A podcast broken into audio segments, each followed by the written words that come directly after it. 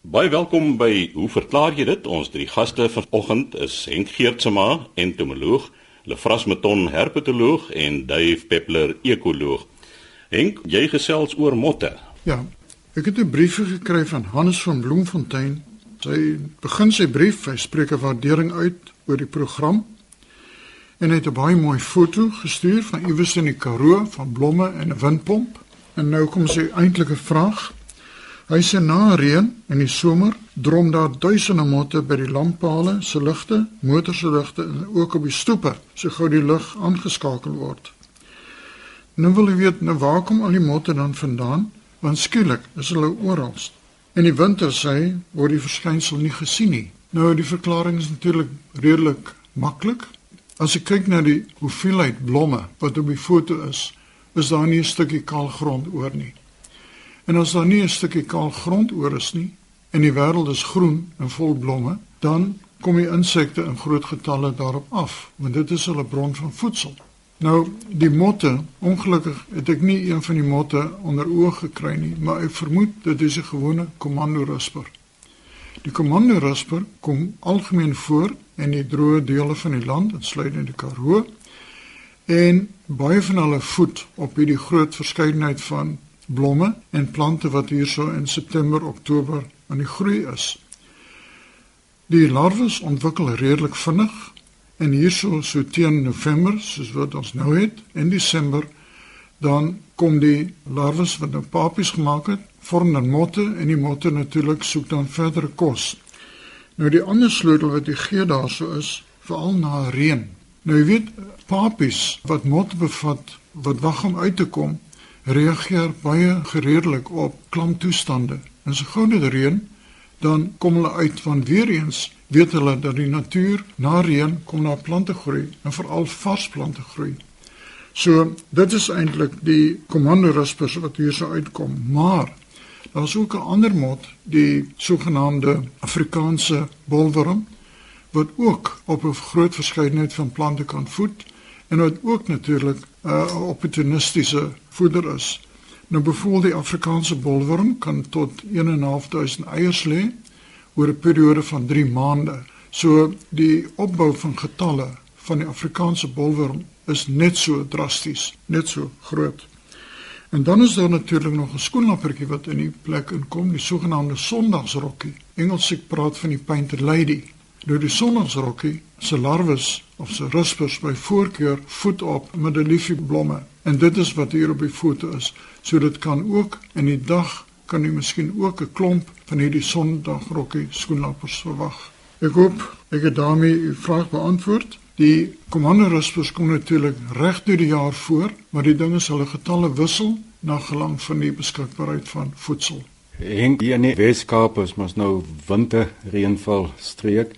Ons het kameras opgestel by Akedus groepe van die Amadil Akedus. Hulle bly mos so in groepe en elke 5 minute neem die kamera 'n foto van so 'n groepie akkedisse oor die hele jaar en ons het gesien dan in die somer as daar net 'n bietjie reën geval het dan is die akkedisse skielik aktief.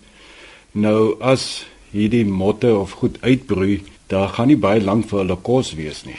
Dink jy nie dit is 'n vermorsing van individue hier in die droë area nou uit te broei na net 'n enkele reënbuie? Ja, die ding is kyk, die natuur is miskien nie heeltemal perfek nie, maar die ding is die ontpopping van motte of skoenlappers is baie keer 'n reaksie van 'n reënbui. En die ding is nou as die reën nie aanhou nie, dan is neusie verby, want dan is daar nie vars plantmateriaal nie en dan sal hulle verdwyn op die plek. Maar gelukkig is meeste insekte, skoenlappers en motte ook redelik goed versprei So dit mag plaaslik in 'n baie klein area dan nie suksesvol wees om nageslag te lewer nie, maar van 'n ander plek af sal uiteindelik wel nageslag weer inbeweeg. Henk 'n verwante opmerking. Ek dink dit is gekoppel moontlik aan klimaatstoestande, maar ook aan die beskikbaarheid van die gunsteling voedingsplant. Ek het vir jaar vir die eerste keer in my lewe aan Asclepias in my tuin geplant. Nou, dit is in die gopse en binne 4 dae uit die bloute, letterlik uit die bloute, het 4 van hierdie skuimsprinkane op hierdie plant neergedaal en my mond hang eenvoudig oop. So ek dink is ook 'n kombinasie van hierdie faktore. Nou ja, dit was dan Henk Geertsma wat gesels het oor die motte. Nou, Lefras, jy het 'n vraag ontvang en ek weet nie of daar 'n foto by was nie van 'n swart kobra. Ja, Chris, ons het eintlik twee vrae ontvang van Dan Groenewald van Montetjie. Die een gaan oor elektriese palings. Lyk my hy het op 'n stadium in sy lewe 'n groot skok of die skok van sy lewe gekry, maar ons gaan daardie vraag op 'n latere geleentheid bespreek. Maar die ander vraag wat ek vandag na wil kyk, gaan oor sy waarneming van slange. Dan skryf dat so 10 meter van sy huis woon daar baie streepmuise tussen die Karoo bossies. Dit is natuurlike voedselbron vir otter, meerkatte, 'n reier en ook een of meer kobras. Nou my vraag is, is dit net een kobra wat in die bepaalde gebied woon of is daar dalk meer as een? Vir my lyk hulle almal dieselfde. Al twee keer het ek die ou van ongeveer 1 en 'n half meter gewaar. En hy sê hy het al ook een gekry wat geel is, maar hierdie een wat hy nou sien is pikswart. So sy vraag is nou kom daar meer as een voor in dieselfde gebied. Ek wil nou net eers bietjie vinnig gesels oor hierdie swart kobra wat hy van praat. Mens kry 'n swart kobra, die spoegkobra, die swart spoegkobra is 'n bekende slang wat hier teen die droë westelike dele van Suid-Afrika voorkom. Wel, in elk geval ook hoër op, kom ook in Namibië voor. Maar hierdie swart spoegslang die rekord, die mees suidelike rekord is die Parel. En ek dink Montetjie is so bietjie verder suid as die Parel, so ek dink nie dit is 'n swart kobra of een van hierdie spoegslange nie, sommer net so te loops spoegslang wat die mense wat nie weet hoe hulle funksioneer, hoe hulle die gif uitspoeg nie. Dit is maar soos enige kobra as daar die twee giftande aan die voorkant van die kake geleë aan die bokant en wat dan nou met die gifkliere gekoppel is. Natuurlik is daar buisies wat deur die giftande loop en die opening waar die gif uitkom aan die onderpunt van die tande wys na vore by die gewone kobra die geelslang is dit meer spleetvormig die opening terwyl by hierdie spoegslange is dit 'n mooi ronde openingkie en die gif word letterlik die gifkliere trek saam en die gif word soos 'n spuitkannetjie dit is 'n sproei wat effektief is tot oor die 2 meter Dit is natuurlik net 'n verdedigingsmeganisme, afskrikmiddel. Dit is nie iets wat gebruik word om nou prooi te vang nie. So, om terug te keer na hierdie swart kobra wat hy gesien het, waarskynlik nie 'n kobra nie. Ek sou dink dit is heel moontlik 'n molslang wat hy gesien het. Nou, as hy weer die slang sien, moet hy tog kyk na die kop. Molslang het 'n baie ou klein koppie. Dis groot slang, maar hy het so 'n ou klein amper hoekige koppie. Natuurlik, die kobras al staan hy nou nie regop om daai bakkeel te maak jy kan nog altyd sien in die nekomgewing dit is half uitgesprei en as jy hom net so bietjie skrik maak gaan hy 'n bak opmaak om dan nou te kom by die vraag hoeveel slange daar nou in die omgewing kan voorkom. Is dit net een molslang of geelslang wat daar by die spesifieke muisnes voorkom? Mens moet dan nou as mens dit nou met akedisse vergelyk of enige ander diere, die hoeveelheid diere of kom ons sê die oorvleeling van tuisgebiede word bepaal deur territorialiteit. Is die dier territoriaal? Met ander woorde, verdedig hulle 'n sekere hulpbron of nie? Nou by slange is bekend daarvoor dat hulle nie territoriaal is nie akedisse daarenteen slang is ook mos nog maar eintlik 'n akedis maar gewone akedisse wat insekte eet is gewoonlik meeste van hulle is baie territoriaal of in 'n redelike mate territoriaal nou die rede daarvoor is dat akedisse hulle eet insekte. Insek is maar 'n relatief klein diertjie ten opsigte van die akedisse liggaamsgrootte so hulle moet gereeld eet. Hulle moet verskeie insekte 'n dag eet En 'n slang daarenteen, as hy 'n muis eet of selfs groter ding as 'n muis, dit is 'n relatief groot voedselitem ten opsigte van sy liggaamsgrootte, so slange eet baie minder.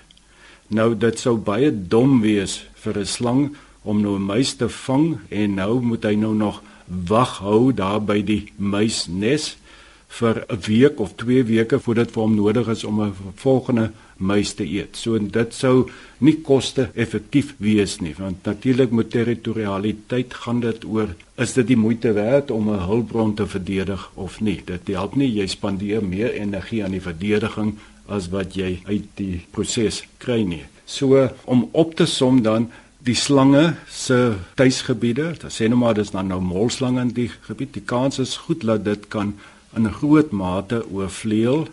So dan mag meer as een slang daar voorkom, niks verhoed hulle om binne 'n uh, eh, klein afstand van mekaar af voor te kom nie. Dit is maar net tydens paartyd wat slange dalk 'n bietjie die mannetjies aggressief kan raak en dalk kan baklei oor 'n wyfie, maar normaalweg nee, hulle sou saam kon voorkom. So om die vraag te beantwoord, sou mens dan ook moet dink net hoe lyk die situasie daar? Hoe is die muisneste versprei? As daar net 'n enkele muisnes in die omgewing is, dan is die kans natuurlik beter dat daar twee slange daar rondom kan hou as die muisneste en ek vermoed dit is meer egalig in die habitat versprei dan is die kans dat daar twee slange daar by sy huis is waarskynlik baie skrale. So net dan om op te som, dit is beslis nie 'n swart kobra wat hy daar gesien het nie, is waarskynlik 'n molslang en dan mag meer as een voorkom. Mens sal moet radiosendertjies inplant en by al die slange wat hy sien en dan oor 'n tydperk volg om te sien of daar meer of een slang is. Hy kan dalk met 'n lang kwas vat op 'n lang voorne riet en as hy weer een van die slange sien, moet PVA sit so 'n wit kolp op sy kop en sal hy weet of dit dieselfde slang is of nie. Frans, wat gebeur nou as daar twee slange van verskillende soorte in dieselfde plek voorkom? Dink dit gaan nou maar afhang wat se twee slange, wat is die twee spesies want ons weet baie slange eet ander slange. So na 'n kort tydjie gaan nou net een slang wees om jou vraag te beantwoord. As ek dit reg het, pofaders eet geelslange, geelslange vreet pofaders, maar wat maak molslange? Sover ek weet, eet molslange nie ander slange nie. Jy weet as mens goed in gevangenskap aanhou, dan gebeur daar allerlei snaakse goed. Ek het al byvoorbeeld gesien dat 'n slang vang 'n akedus, nou begin hy hom van die kopkant af insluk, dan kom 'n ander slang en begin die akedus van die ander kant insluk van die stertkant af dan kom die twee slange bymekaar dan sluk die een slang sommer die ander slang ook in raak hulle te mekaar spel ja maar daar's natuurlik slange wat spesialiseer om ander slange te eet. Pofadder ek kan nogals dink dat 'n groot pofadder gaan 'n geel slang gaan maar hartsluk om hy pofadder ingesluk te kry. Lefras daardie slang in die akedus klink nou vir my soos 'n sekere restaurant wat Party aande koop een en kry een verniet. aanbod het. Maar ek wil jou vra as 'n mens nou kyk na die gedrag van 'n rinkels wat ook die bak opmaak, is hulle familie van die kobra? Selfde, dit is nou nie dieselfde genus nie, maar dieselfde familie, die Elapidae. So ja, die kobra familie. Ja, hulle is verwant. Hulle is ook natuurlik spoegslange. Nou, jy wat self 'n duiweboer is, toe ek nou in my kinderdae saam met my broer 'n duiweboerdery bedryf het. Ons het nog nooit so baie slange in die tuin gehad nie. Goed, dit was op 'n plaas gewees, hoofsaaklik nou die kobra en die rinkels. Het hulle 'n manier om uit te vind waar is 'n goeie bron van voedsel? Slange is bekend dat soos enige aktiewe voeder, hulle reuksin is baie goed. En dit is sekerlik nie net die duiwehok nie, maar ook die hoenderhokke is uh, kry mens baie van die geelslange en ek dink dit gaan nie oor die hoenders of oor die duwe nie maar dit gaan oor die muise en die rotte wat natuurlik ook kom saam eet aan al die mielies wat uitgesit word. So die slange is meer agter die rotte en die muise in en in die vorm natuurlik neste en as jy daar op die plase daai hoenderhokke deurwerk hang peel daar 'n klomp muise uit. So dit is dan nou tipies 'n kol voedingsbron die hoenderhokke of die duiwehokke is maar il versprei in 'n omgewing. Hier's een en dan klomp kilometer verder, maar dit is 'n baie hoë konsentrasie van muise wat daar kan hou. En dan mag mens natuurlik 'n hele paar slange daar kry. Terug te kom na molslange, eet hulle molle. Ek sou dink hulle moet molle eet want dis waar die naam van dan kom, maar hulle eet natuurlik allerlei ander goed ook en dan definitief ook hele klomp van die muissoorte sal hulle ook eet, maar hulle sal 'n mol eet ja. Chris, ek wil ook nou net hier verwys na die ander predatore wat Dan nou hierso opnoem. Hy praat hierso van die otter, meerkatte, reier. Sover ek weet, otters eet nie muise nie, hoofsaaklik krappe en paddas en vis. Hulle is maar goeie wat in die water voorkom wat hulle eet. Dan die meerkat. Ek dink hy verwys nou na die stokstert meerkat. Die kom nie na my wete so ver suid as Montetjie voor nie. Maar die muisonde, groot reismuisond en die klein reismuisond en die muskaatkatte, dit is goed wat definitief sal wy onder die streepmuise daarby om. En so gesels Lefras Meton, ons herpetoloog, laaste aan die woord Dave Peppler, ekoloog en Dave 'n luisteraar wil weet, hoekom is die voellewe in stede besig om te verander? 'n brief van Neville Thomas van Waverley. Dis 'n baie lang brief wat ek effens gaan uh, redigeer. Hy sê hy's 53 jaar oud en bly sy hele lewe lank in Waverley. Wat natuurlik 'n voordeel is want jy weet wat in jou om jou aangaan. Dis daar in die Magaliesberge.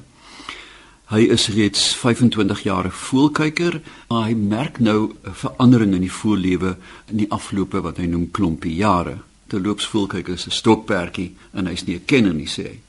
Om by die punt uit te kom oor die afgelope jaar of twee het ek opgemerk dat ek in Waverley voels hoor wat ek nooit van tevore gesien het nie. Miskien is die oë wat nie meer so skerp is nie, maar hy sê kom ek gee 'n paar voorbeelde van wat nuut is hier. Die eerste een wat hy opmerk nou is die kardinaalspeg. Hy roep mos so.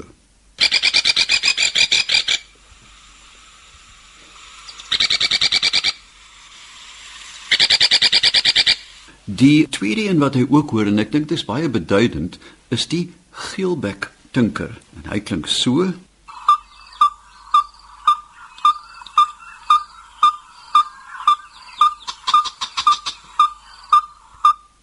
En dan nog 'n hele klomp ander voëls, dassievoël, Europese buivreter, die papegaaiduif, daai lieflike duif, een van die mooiste voëls in Suid-Afrika die uh, klein glansspruw en dan natuurlik vir my een van ons baie spesiale voeltjies. Hy sê skielik die diederik.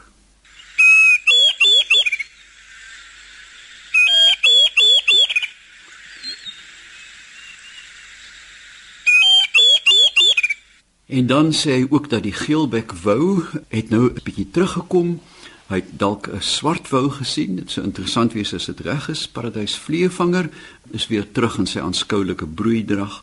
Maar dan sê hy die rooi keel beievreter kom byna nie meer daarvoor nie en daai indringe pes die Indiese huiskraai gelukkig dis 'n bietjie onderdruk deur iemand of iets. Hy sê ook dat die piet my vrou het afgeneem die voorkoms en dan die rooi kopvinke. En dan sê die plante groei in my tuin en van die bure het nie verander nie. En ek dink hier lê een van die sleutels. Ons het self drie katte tot die voelse ontsteltenis. Nog 'n moontlike jy weet katte doen kwaad as jy nie kyk nie. As ek vir 'n kat kyk slaap hy Maar hoe dit ook al sê, ek dink een van die eerste vrae wat ons moet vra is, hoe op aarde het vreemde voëls soos tinkers die stad binne gedring? Nou, daar was die bekende eksperimente van Wilson en sy kollegas en um, ons sal onthou dat hulle het eilande gesteriliseer van verskillende groottes en van verskillende afstande van die land af en toe gekyk baie sekuur wat eers teruggekom het. Die plantjies, die efemerata, die dagvliee, die klein goedjies wat ver kan vlieg. En Henk sal weet, ek dink daar is eilande in die Stille Oseaan etlike 7-8000 km van die land af en skielik land daar 'n insek. Hy word op baie groot hoogtes gedra met sterk winde. Ensovoorts ens met ander woorde ons noem dit sukessie Indien jy jou grasperk sal ophou sny, dan gaan dit na jou omgewing lyk binne 15 jaar. Al die saadjies gaan ingedraai word, die kompetisie sal heel moontlik die koekoe uithaal en daar sal in ons geval hier in Stellenbosch redelike interessante fynbos staan. Maar nou net so het 'n tuin ook suksesie en in die volgende terme in terme van digtheid. As jy jou plotjie, jou eerste boom plant gewoonlik te na aan die muur, wat dan die blare val in die buurman se swembad of die muur bars na 'n jaar of 10 of nog erger, jy plant 'n geelhoutboom wat vir 20 jaar nie vrugte dra nie en dan kom die vlerbuise en uh, bemors almal om jou en daar is oombliklik 'n burgeroorlog. Met ander woorde digtheid binne 'n tuin verander dramaties. Alhoewel jy daar sit, jy kom nie eintlik agter nie, maar dit word baie dig dalk vorm 'n kroondak soms met 'n middellaag en uiteraard ook as jy tuin maak 'n grondlaag. In baie gevalle begin bome eers later in hulle lewe vrugte dra. Ek dink spesifiek hier aan die uh, geelhoutboom. Nou, jy gaan nie van hierdie interessante duwe kry as daar nie vrugte vir hom is nie. En dan die laaste ene en hier waar dit vir my nou werklik interessant ten opsigte van die kardinaalspeg en die geelbles tinker dat ouer tuine begin die bome nou vrek en daar's geleenthede vir hulle om in die hout binne te dring waar takke afgebreek het of waar bome kernvrot het. Gevolglik, ek dink ons moet soos as ons na ons eie miserabele lywe kyk, dan moet ons besef dat 'n tuin word ook oud en dan begin goed afval, soos in my geval. So ons kan ook begin dink deesdae in terme van klimaatsverandering dat met subtiele aanpassings in die klimaat raak die omstandighede of aantreklik of miskien afstootlik vir spesies en ons weet van die data van die Percy Fitzpatrick Institute in Kaapstad met hulle baie akkurate opnames van voëls in kwartgraad blokkies reg oor die land dat daar nou 'n verskywing van sekere spesies noord is ander spesies skuif weer suid en dit kan toegeskryf word en dit korreleer baie mooi met die data vir klimaatsverandering. Dan is daar uiteraard ook habitatverandering in terme van watervoorsiening en beskikbaarheid en ek dink 'n klassieke voorbeeld hiervan is die Hadida wat ons hier in die Kaap bespring het 'n jaar of 20 gelede tot almal se konsternasie. Ons moet ook onthou dat inheemse spesies kan rondgedra word dat in van Riebeeck se tyd was hier nie tarantale in die Kaap nie. Hulle is ingedra hoofsaaklik van die Suid-Kaap af. So, ek dink dat tuine en stede is in 'n konstante toestand van flux, toestande verander. Modebome, iemand sê in 'n omgewing, "Ai, maar die wit stinkhout is mooi" en sekere goed word uitgekap. So daar's 'n konstante fluks en al hierdie voëls en ek dink daar is henk sekerlik insekte wat dieselfde ding doen. En as die insekte verander, gaan die insekvreters verander. So daar is nooit stasis in ons tuine nie. En is dit nie wonderlik nie dat 'n mens enige tyd enigiets kan verwag? So Neville, ek wil vir jou sê jy lewe in 'n skottelgoedwasser van ekologiese kompleksiteit dat dinge gaan verander en jy gaan as jy aanhou voel kyk konstant verras word. Dave, dit is sodat mens sekerlik die tuin situasie ook kan vergroot en na die ekologie in die algemeen kyk wat nie stabiel is nie. Afgesien nou van klimaatsverandering is dinge die heeltyd, is die heeltyd 'n dinamiese proses. Dinge kom en gaan en ja, dis die heeltyd aan die gang. Ek weet van plekke waar ek nou akkedisse soek, dan kom jy 1 jaar daar dan is dit vervuil en dan gaan jy 5 jaar later dan kry jy nie elke dis dieselfde tyd van die jaar en dit is soos ek sê dinamies met dassies en al die goed is dit so so wes verwag nie net in die tuine nie maar ook in die algemeen hierdie siklusse so mens moet versigtig wees of mens moet na die groter prentjie kyk oor 'n lang termyn om werklik agter te kom wat is aan die gang Die sleutelwoord wat jy hier gebruik het, lefras is lang tydperke. Ek het al by 'n vorige programme gesê dat ons is geneig om verandering aan die leeftyd van die mens te meet. Jy weet, toe my pa jonk was en so aan. Die natuurlike siklusse kan of blitsig werk, soos by Galapagos, of dit kan etlike eeue siklusse wees. Jy's doodreg. Daar jy praat van voels in die afgelope 2 weke hoor ek 'n Piet my vrou in ons omgewing wat ek nog nooit tevore gehoor het nie. Is dit moontlik? Absoluut moontlik. Hier is 'n baie goeie voorbeeld want Piet my vrou is 'n parasiet en heel moontlik het jou parasiet of voels wat geparasiteer word se samestelling verander en nou is jou plek vir hom aanloklik want daar is neste wat hy kan belê. Dave, ek ken dit as die mytjie. Ja. Mytjie. Hy's ook mos 'n parasitiese voël. Ja. Nou die het ek vroeër jare toe ek student was baie gehoor. Dit is hier in die middel van Stellenbosch, maar sedertdien het ek nog nooit hom weer gehoor nie. Mytjie saam met Piet my vrou en Diederik is ons bekende parasitêre voëls hier. Ek het self mytjie hoor ek nou waar ek woon, maar ek bly nou in 'n baie stabiele omgewing en mytjie het 'n voorkeur vir baie klein nessies, kanaries en en meeloogies en so aan. En die dorp op die oomblik, ek dink dit het te doen met bome wat bespuit word, veral in die middel van die dorp, het 'n gebrek aan die klein nessies. So sê Dave Peppler, ons ekoloog, die tyd het ons ongelukkig ingehaal. U kan skryf aan hoe verklaar jy dit? Bosbus 2551 Kaapstad 8000 of rig 'n e-pos aan chris@rsg.co.za